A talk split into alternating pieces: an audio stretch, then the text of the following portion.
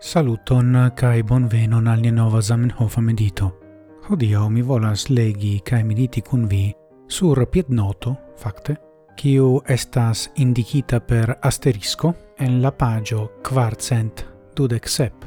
Temas pri letero kiu Zamenhof scribis en la jaro 1903. Asterisco, kiel autoro de la lingvo, mi pli ol alia volus che gi estu kiel ebla plei perfecta.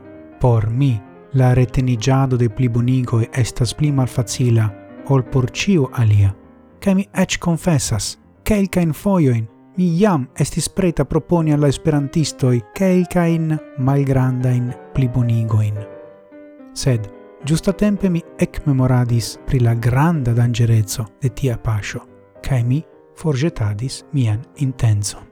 Eble auscultanto auscultantoi povas surprizigi pri la emo reformi Esperanton fare de Zamenhof, sed verdire ciam oni legas kai legas daure la vercaron de Zamenhof tio ne estas granda surprizo.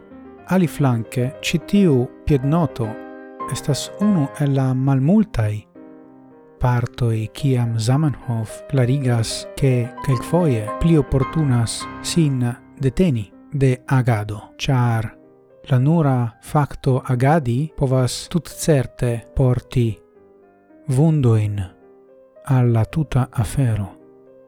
Cai persone dirite al mi resultas malfacile sin deteni de agado, sed iom post iom mi tion lernis cae mi scivolas pri via espertoi.